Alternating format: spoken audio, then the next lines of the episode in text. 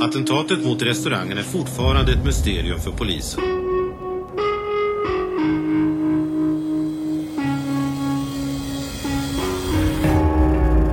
Det inkom ett bombhot två minuter ungefär innan det smällde. Ett av Sveriges mest spektakulära brott. Så skakades centrala Stockholm vid femtiden i morse av en mycket kraftig explosion. Den största explosion som skett i ett tättbebyggt område någonsin i Sveriges historia. Artilleri gör ju mindre skada än den här bomben. Historien kretsar kring Stockholms nattliv. Det var ju ofta så att man levde under hot. Så mycket mystik kring varför var det här undervärlden, en uppgörelse inom undervärlden eller var nattklubbsägarna utsatta för någon utpressning? Du menar att jag skulle uppleva det som en möjlighet att... Jag förstår inte frågan riktigt hur du menar. Vad hände egentligen med de två ägarna? Ja, det är så länge sedan. Lever någon av dem som ägde det stället? Och hur kommer det sig att fallet fortfarande är olöst? Därför är det, det är en känslig grej du är inne på just Fontainebleau tror jag. Det här är Spår med Anton Berg och Martin Jonsson. Säsong 5. Sprängningen av Fontainebleau. En historia om ett olöst brott.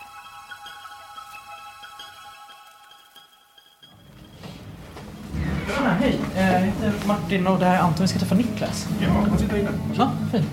Den här historien börjar lite annorlunda än tidigare säsonger av Spår. Tjena! Hej, hej. Martin heter jag. Hej, Niklas. Hej, trevligt. Tjena, Anton. Hur är läget då? Jo, det är bra. bra? Ja, Själv då? Jo, det är bra. Vi rullar här, bara så Ja, du vet. ni rullar, okej. Allt, allt du säger kommer att användas emot dig. Ja. Vi träffar en av våra lyssnare. Ni vill ha mat, eller hur? Eller vill ni vänta lite? Jag vill tänka att vi ju- intervjuar dig kanske. Bra. Om ni känner igen rösten är det inte så konstigt. Den tillhör nämligen Niklas Ekstedt, tv-kock och kändiskrögare. Ja, men varför sitter vi här egentligen? Det är väl första frågan. Ja. Du har mejlat oss, eller hur? Ja, precis. Därför att jag, dels är jag en stor fan av eh, spår. Eh, och eh, har ju lyssnat eh, på precis alla avsnitt och tycker att det är väldigt, väldigt bra. Eh, så där. Vi stannar där. Eh, jag lyssnade på eh, er senaste, eh, Raggarmorden. Och i samma veva som jag var helt inne i den här spännande upplösningen så träffade jag en, en, en dam eh, som berättade, så, alltså, nu det här är lång, det, det, det, det, är många olika vinklar här nu. Så jag, jag lyssnade på spår och så var inne i det och sen träffade jag den här damen då som ha, eh, hade jobbat hos en kompis mamma på Norrlandsgatan. Och min kompis då är Mehmet Gurs, han är eh, Turkiets kändaste kock. Och sen helt plötsligt så fick de lämna butiken i, och på grund av att det, att det var en restaurang på ovanvåningen som sprängdes. Eh, och det lät bara så här helt... Alltså bara, okej, okay, så att Norrlandsgatan, det är precis eh, min parallellgata till där jag driver restaurang. Och där alltså en restaurang har då varit så kraftig explosion så att butikerna runt omkring har fått stänga ner. Och varför liksom har jag aldrig hört talas om det här? Redan när vi fick mejlet från Niklas Ekstedt och ringde upp honom hade vi googlat. Storyn om Fontainebleau var verkligen en unik händelse. Så skakades centrala Stockholm vid femtiden i morse av en mycket kraftig explosion. Och så sprängningen av restaurang Fontainebleau i centrala Stockholm. Ett bombdåd av en omfattning som tidigare inte inträffat här. Attentatet mot restaurangen är fortfarande ett mysterium för polisen. Så, alltså, I Sverige så har alltså en restaurang sprungit så kraftigt så att, och så liksom eh, och då började jag liksom läsa om det här och så läste jag om den här Fontainebleau och då var det liksom så här eh, att man började att man, eh, jag blev, och det blev väldigt påtagligt och det blev väldigt personligt därför att man driver restaurang i samma kvarter där en gång en, en restaurang har sprängts i luften. Så det var så det, det var, ju- så jag hörde talas om den här explosionen och då tänkte jag så här, det här skulle ju vara kul om eh, någon liksom eh, gjorde någonting på och man fick höra om det här och då tänkte jag på er. Inför vårt möte så har Niklas pratat med äldre kollegor som drivit nattklubbar i Stockholm. Och det var ju en, en väldigt stor händelse när det hände. Eh, och det skakade om hela restaurang Stockholm eh, till grunden. Eh, och det var många som eh, tänkte om hur de arbetade och vilka de arbetade med. Och det var en, det var en, en, en, en stor händelse. Ni börjar ana vartåt det lutar, eller hur? Jag hoppas ju att ni kommer göra klarhet i det här exakt vad det var som hände. Men att det blev ju det blev förändringar utifrån de dagliga rutinerna hur man liksom skötte eh, kassan och pengarna. Vad var det egentligen som hände på morgonen nyårsafton 1982 i restaurangen med det glamorösa namnet Fontainebleau? Hur kommer det sig att brottet idag, 25 år senare, fortfarande är olöst? Och vad hände med de två ägarna till restaurang Fontainebleau? De som i kvällspressen gick under det märkliga epitetet dubbelakademikerna.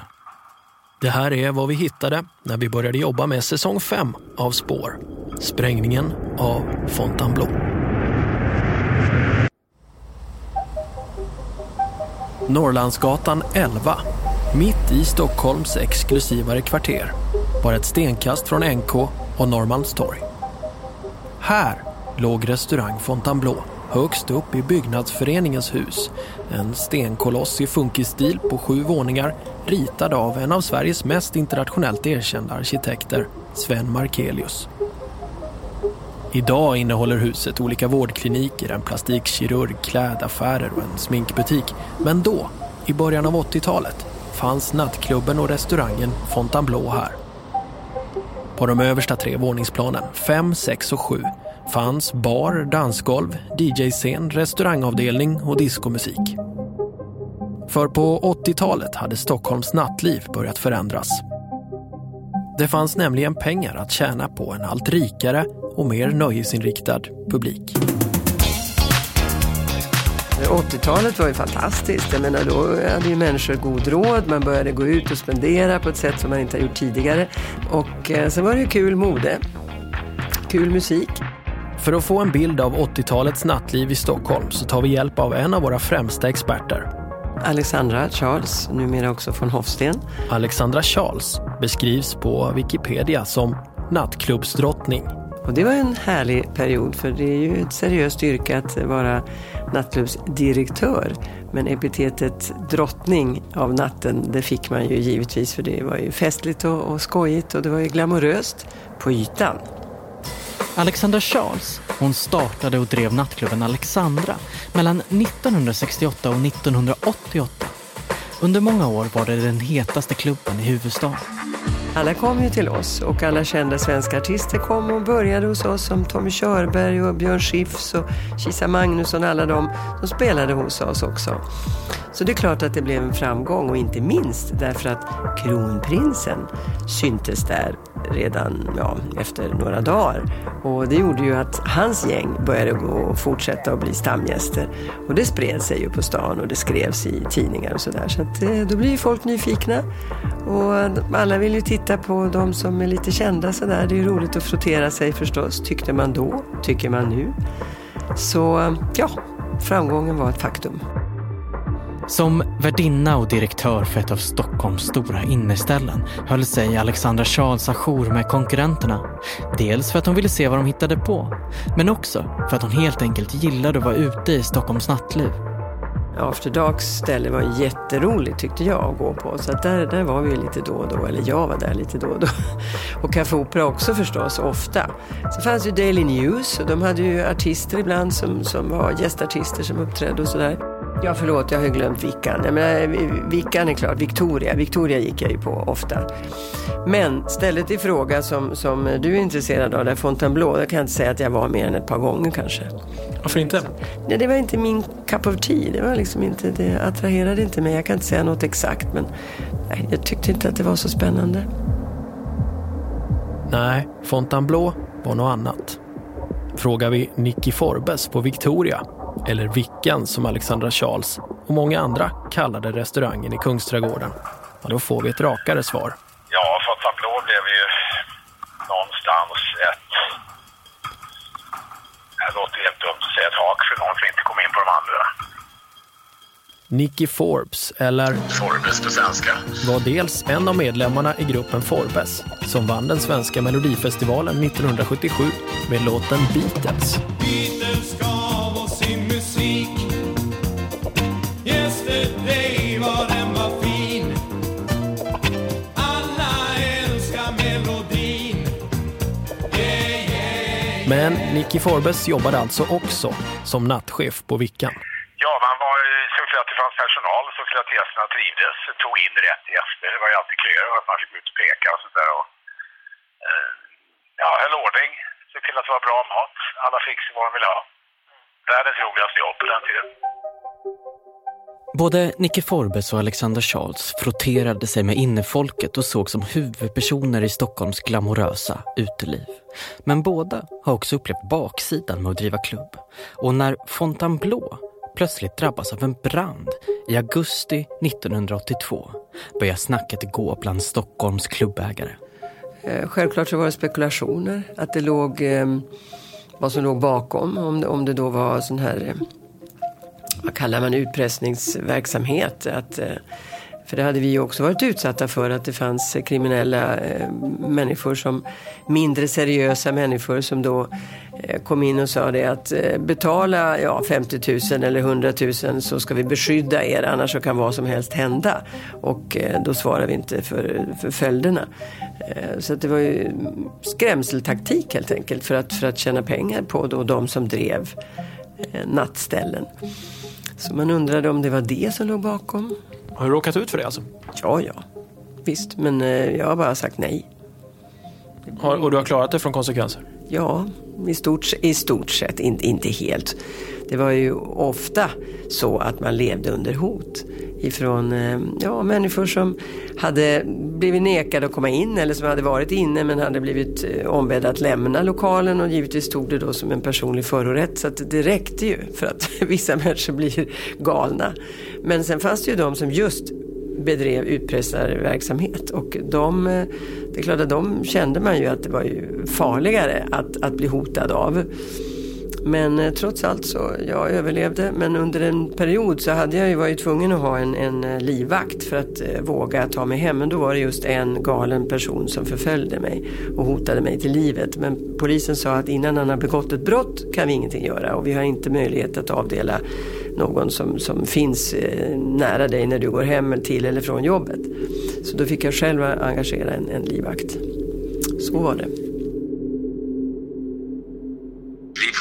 Hade bombhot ibland på den tiden. Jaha. Varför vi hade det vet man ju inte. Men, men det var, blev ju populärt att bombhota ställen för de var ju tvungna att stänga med en gång. Och det var ju då för att jävlas då med ägarna eller de som var chefer eller någonting sånt där. Hur ofta händer det då? Ja, ett par, tre gånger varje år i alla fall. Så pass?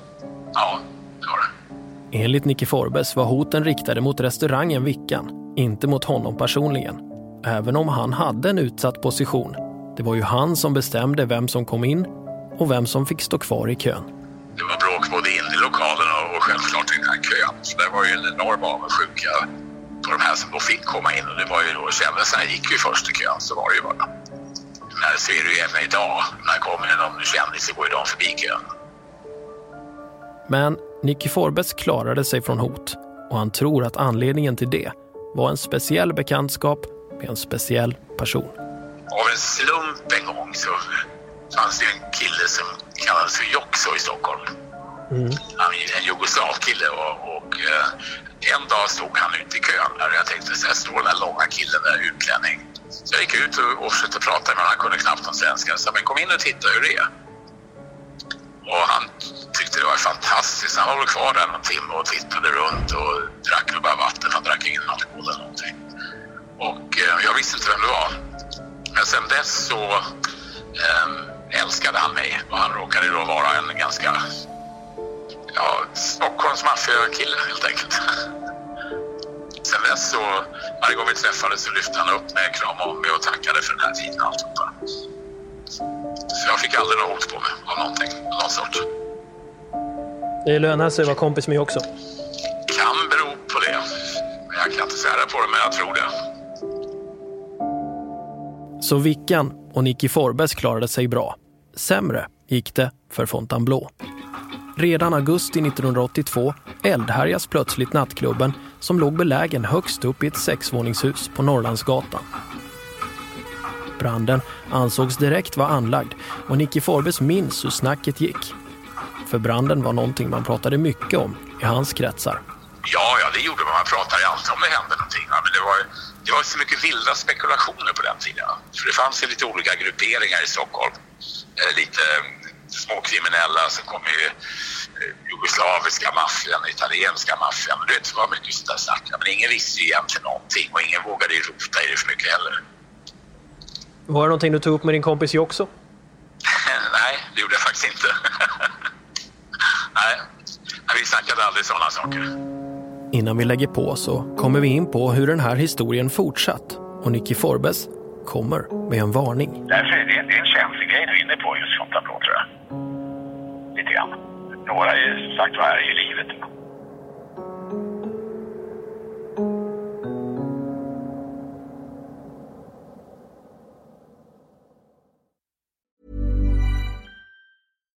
One size fits all seemed like a good idea for clothes Nice dress. Uh, it's a it's a t-shirt.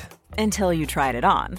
Same goes for your healthcare. That's why United Healthcare offers a variety of flexible, budget friendly coverage for medical, vision, dental, and more. So, whether you're between jobs, coming off a parent's plan, or even missed open enrollment, you can find the plan that fits you best. Find out more about United Healthcare coverage at uh1.com. That's uh1.com. Planning for your next trip? Elevate your travel style with Quince. Quince has all the jet setting essentials you'll want for your next getaway, like European linen, premium luggage options, buttery soft Italian leather bags, and so much more. And it's all priced at 50 to 80% less than similar brands. Plus, Quince only works with factories that use safe and ethical manufacturing practices. Pack your bags with high-quality essentials you'll be wearing for vacations to come with Quince. Go to quince.com slash trip for free shipping and 365-day returns. Branden i augusti 1982 var alltså ett stort samtalsämne i olika delar av Stockholms nattliv. Men den skulle fort blekna i jämförelse. För bara fyra månader senare drabbas restaurang Fontainebleau på nytt. Larmcentralen har fått ett anonymt bombhot mot en byggnad i det här området tidigt i morse. Och den här gången är det ingen tvekan. Det här bombhotet är allvarligt menat.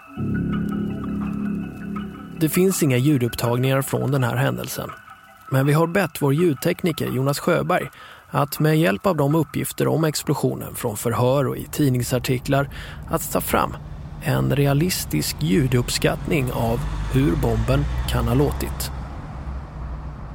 Klockan närmar sig fem minuter över fem på morgonen nyårsafton 1982.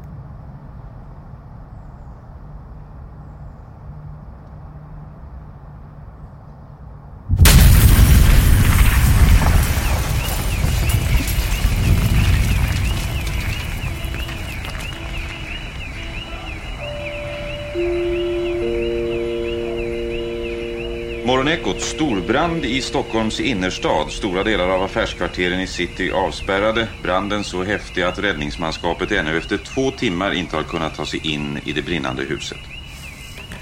Jobbade, jag jobbade ju extra där som på, eller man fick jobba in extra då på nyårshelgen. På Expressens nyhetsredaktion sitter en ensam reporter, Peter Kadhammar. Ja, jag var nog den enda reportern på plats skulle jag tro. Som satt där på tidig morgon. Då var jag ju vikarie på Expressen. Så jag var väl glad över att jag överhuvudtaget var där och jobbade. Nyheten om explosionen når Peter Kadhammar via radio. Vi lyssnade ju av polisradion. Vi hade ju alltid en polisreporter som lyssnade på radion. Och det måste ha kommit den vägen. Ja, så jag åkte jag ju ner tillsammans med en fotograf, Bums, för att titta. Och jag tror vi, näst, vi var nog där före brandkåren alltså. På platsen, korsningen Norrlandsgatan Mäster Samuelsgatan, mitt i Stockholms city, så är det en dramatisk syn som möter Expressens reporter och fotograf. Det är en byggnad i centrala Stockholm det som var, stod i lågor. Det var ju oerhört dramatiskt. Glas över hela gatan. Och Ja, förödelsen är stor på gatorna kring Norrmalmstorg. I området närmast explosionen så har fastigheter skadats mycket svårt. Det ser verkligen ut som om en bomb har fallit ner. Det var som lågorna, om jag nu minns rätt, stod ut som svetslågor ur, ur fönstren här. Explosionen hördes över stora delar av innerstan. Den totalförstörde en restaurang på fjärde våningen i en fastighet på Norrlandsgatan i city. Och stora delar av city är avspärrade. Så skakades centrala Stockholm vid femtiden i morse av en mycket kraftig explosion. Det är nu okänt om några människor har skadats. Brandutvecklingen är fortfarande mycket kraftig och risken för nya explosioner bedöms som stor. Ett bankkontor var mitt emot. Och där var ju, det satt ju glasbitar som knivar i väggen alltså. Ja, det, det var en rätt otrolig syn. Så att det var ju... Det är klart det var en otroligt eh, stor smäll. Och den var ju ganska då eh, väl planlagd om, om de då blås, eh, smäller den här bomben. Ja, det kan ha varit fem, sex på morgonen på nyårsaftonens morgon. Då är det ju så folktomt det kan bli i Stockholm. Så syftet var ju uppenbarligen att ingen skulle skadas. Larmcentralen har fått ett anonymt bombhot mot en byggnad i det här området tidigt i morse men det är oklart om det hotet har någonting med explosionen i fastigheten att göra. Orsaken är alltså okänd men polisen misstänker att det kan ha varit en gasexplosion. Skadegörelsen på de fastigheter som ligger omkring det brinnande huset är mycket stor och ett hundratal polismän har spärrat av området och man arbetar med att hålla folk borta från skyltfönster och annat som har krossats. Jag tittade, antecknade och skyndade mig tillbaka för att skriva. För det fanns ju inte datorer eller någonting så man fick skynda tillbaka till tidningen och sätta pappret i skrivmaskinen. Ni som lyssnar via Acasts egen app kan nu se Peter Kadhammars första artikel så som den såg ut i Expressen 31 december 1982, direkt i era mobiler. Där ser ni också bilder från platsen som polisen tagit. Den här bilden det visar gatan. Det här är Norrlandsgatan och här är Mäster Samuelsgatan. Det är allt som har då slungats ut i samband med sprängningen. Jag vet att det låg bland annat en flygel på gatan här från restaurangen. Strax mer från polisen.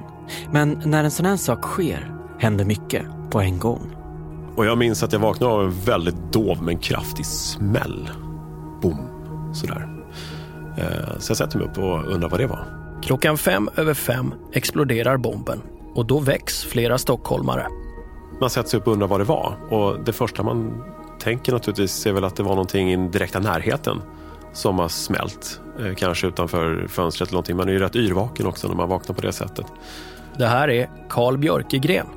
Som nioårig son till en av Sveriges rikaste män, Karl-Erik Björkegren, bor Karl ståndsmässigt på Strandvägen över en och en halv kilometer från Norrlandsgatan 11.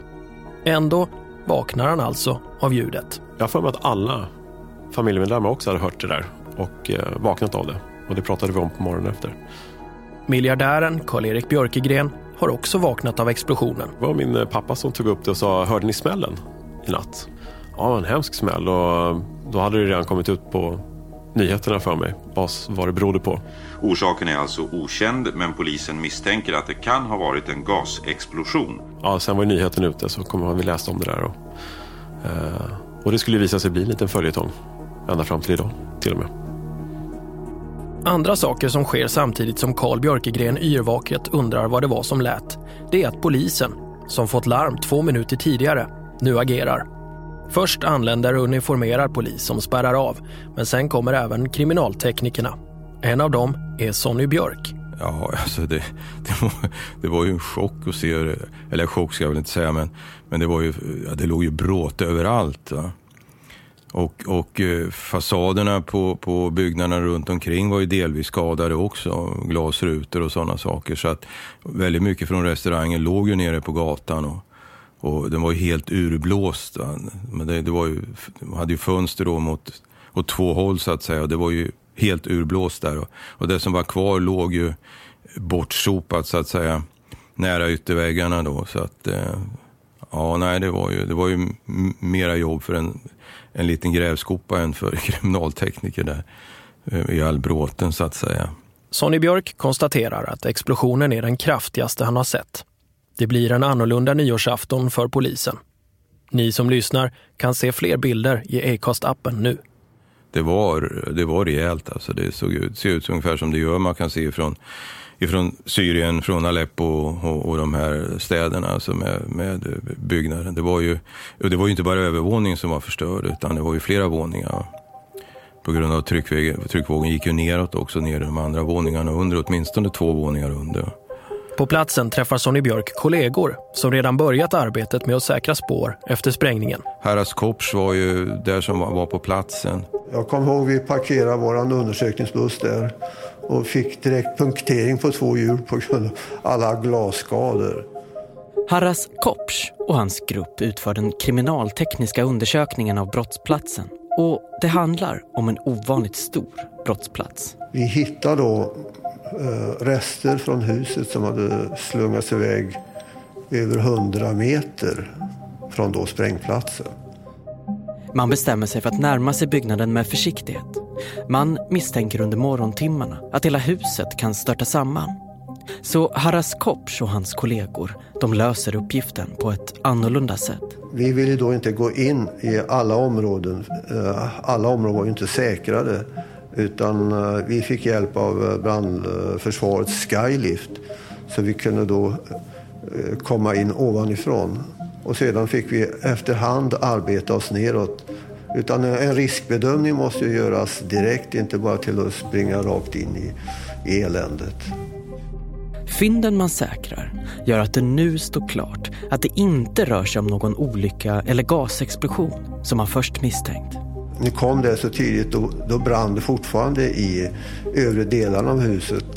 För det var massa gasledningar som hade slitits av. Och eh, brandkåren trodde därför att det var en gasexplosion. Men när vi då eh, undersökte saken närmare så visade det sig att det kunde det inte vara. Det ser alltså ut nu som om polisen eh, åtminstone lutar åt att det inte var någon olycka som orsakade den våldsamma explosionen och branden i morse vid Norrmalmstorg i Stockholm. Polisen fick ett telefonsamtal tidigt i morse om att en bomb hade placerats på restaurang Fontainebleau vid eh, Norrlandsgatan. Restaurangen ligger i översta våningen av en fastighet och bara ett par minuter efter samtalet kom detonationen.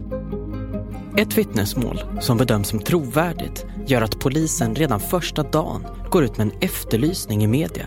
Polisen vill idag gärna komma i kontakt med en man som sågs i huset på Norrlandsgatan strax före explosionen. Det var en vakt som såg mannen i hissen i huset kvart över fyra på morgonen. Mannen beskrivs vara i 35-årsåldern och polisen är alltså angelägen om att komma i kontakt med honom. I media framträder nu också en av de två ägarna till Fontainebleau, Konrad Öberg. Så man har ju konstaterat att vi har inga skulder, restaurangen är lönsam, den är försäkrad. Vi har inga skulder till samhället i form av sociala avgifter eller skatt som man ju har hört talas om så ofta nu att det förekommer i den här branschen. Känner du dig själv misstänkt efter de handlande sakerna? Du säger alla affärer är klara, alla papper är klara, restaurangen är försäkrad. Tycker du att folk ser snett på dig? Du menar att jag skulle uppleva det som en möjlighet att... Jag förstår inte frågan riktigt hur du menar. Nej, om du känner, är du, tror du att polisen misstänker dig för att vara inblandad i det själv och ha försäkringsintressen?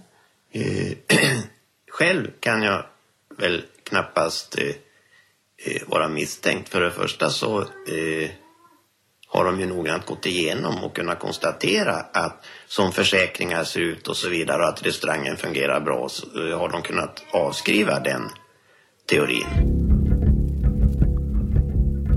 Den andra ägaren, Ingmar Arbro, han intervjuas av Peter Kadhammar i Expressen. Men han håller sedan en lägre profil. Peter Kadhammar, han minns fortfarande vilket intryck de båda ägarna gjorde. Konrad Öberg, en lite flottare kille. Eh, pratsam. Eh, en man som ville vara av värld och leva i den stora världen. Arbro, en mycket mer lågmäld och försiktig person. De var, de var rätt olika som, som personer, så vitt jag minns. Jag fick nog det intrycket att Öberg var den som klarade det här psykiskt bäst. Han gav inte intryck av att vara en, en bruten person när jag träffade honom vid senare tillfällen och hade kontakt med honom på olika sätt. Däremot så, så har jag för mig att Arbro mer försvann. Vad varken allmänheten, media eller ägarna själva vet är att polisen nu också börjat intressera sig för de två ägarna. Men av andra skäl än i form av brottsoffer. Sonny Björk, kriminaltekniken, har nämligen fått ett annat uppdrag. Dagen efter, om jag inte minns helt fel, så ringer man ifrån kriminaljouren igen och säger att man har beslutat att man ska göra en säkerhetsundersökning på ägarna till Fontainebleau, alltså Arbro och Öberg, Öberg på deras kontor. Och eh, för man misstänkte då att har man sprängt Fontainebleau så kan ju hända att det finns någon form av hot även emot kontoret. Konrad Öberg och Ingmar Arbro har ett gemensamt kontor på Östermalm, en knapp kilometer från Fontainebleau. Så vi åkte dit och eh, man kom också med bombhundar då som var utbildade för att sniffa sprängämne. Eh, när vi kom dit så var Arbro på kontoret eh, och vi gick runt och tittade och letade där och jag kom in i ett rum som var tomt och jag tittade runt och det första jag fick se var en bit pentylstubin med eh, gummituta på så att säga yttersta delen av en pentylstubinrulle. Det är ju sprängstubin då som man använde. Vi hittade också flera bitar utav sprängdeg som var intrampad i nålfilsmattan i det här rummet.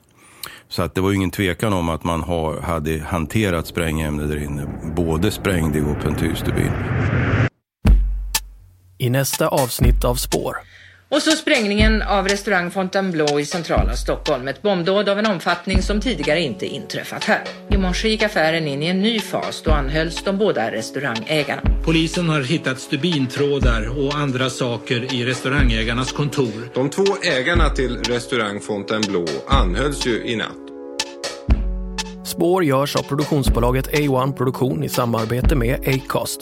Vi tackar Adolfsson och Falk för att vi får använda deras Blinkar blå en låt som låg på topplistorna 1982 och som spelades på nattklubben Fontainebleau. Ljudtekniker är Jonas Sjöberg, researcher Nina Silventoinen, projektledare Vianja Lall och exekutiv producent på Acast är Karl Rosander. Fortsätt diskutera spår med oss, Anton Berg och Martin Jonsson på hashtag Spar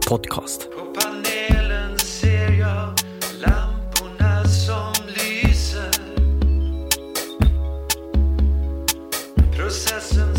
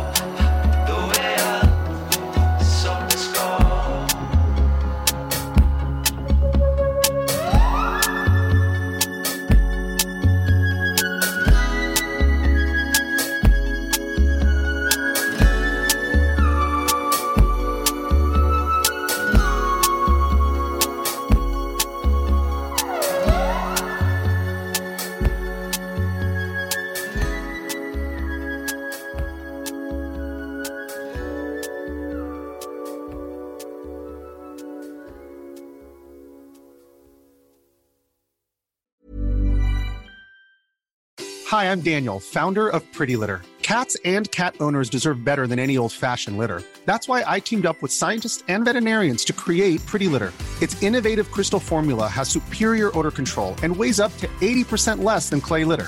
Pretty Litter even monitors health by changing colors to help detect early signs of potential illness. It's the world's smartest kitty litter. Go to prettylitter.com and use code ACAST for 20% off your first order and a free cat toy. Terms and conditions apply. See site for details.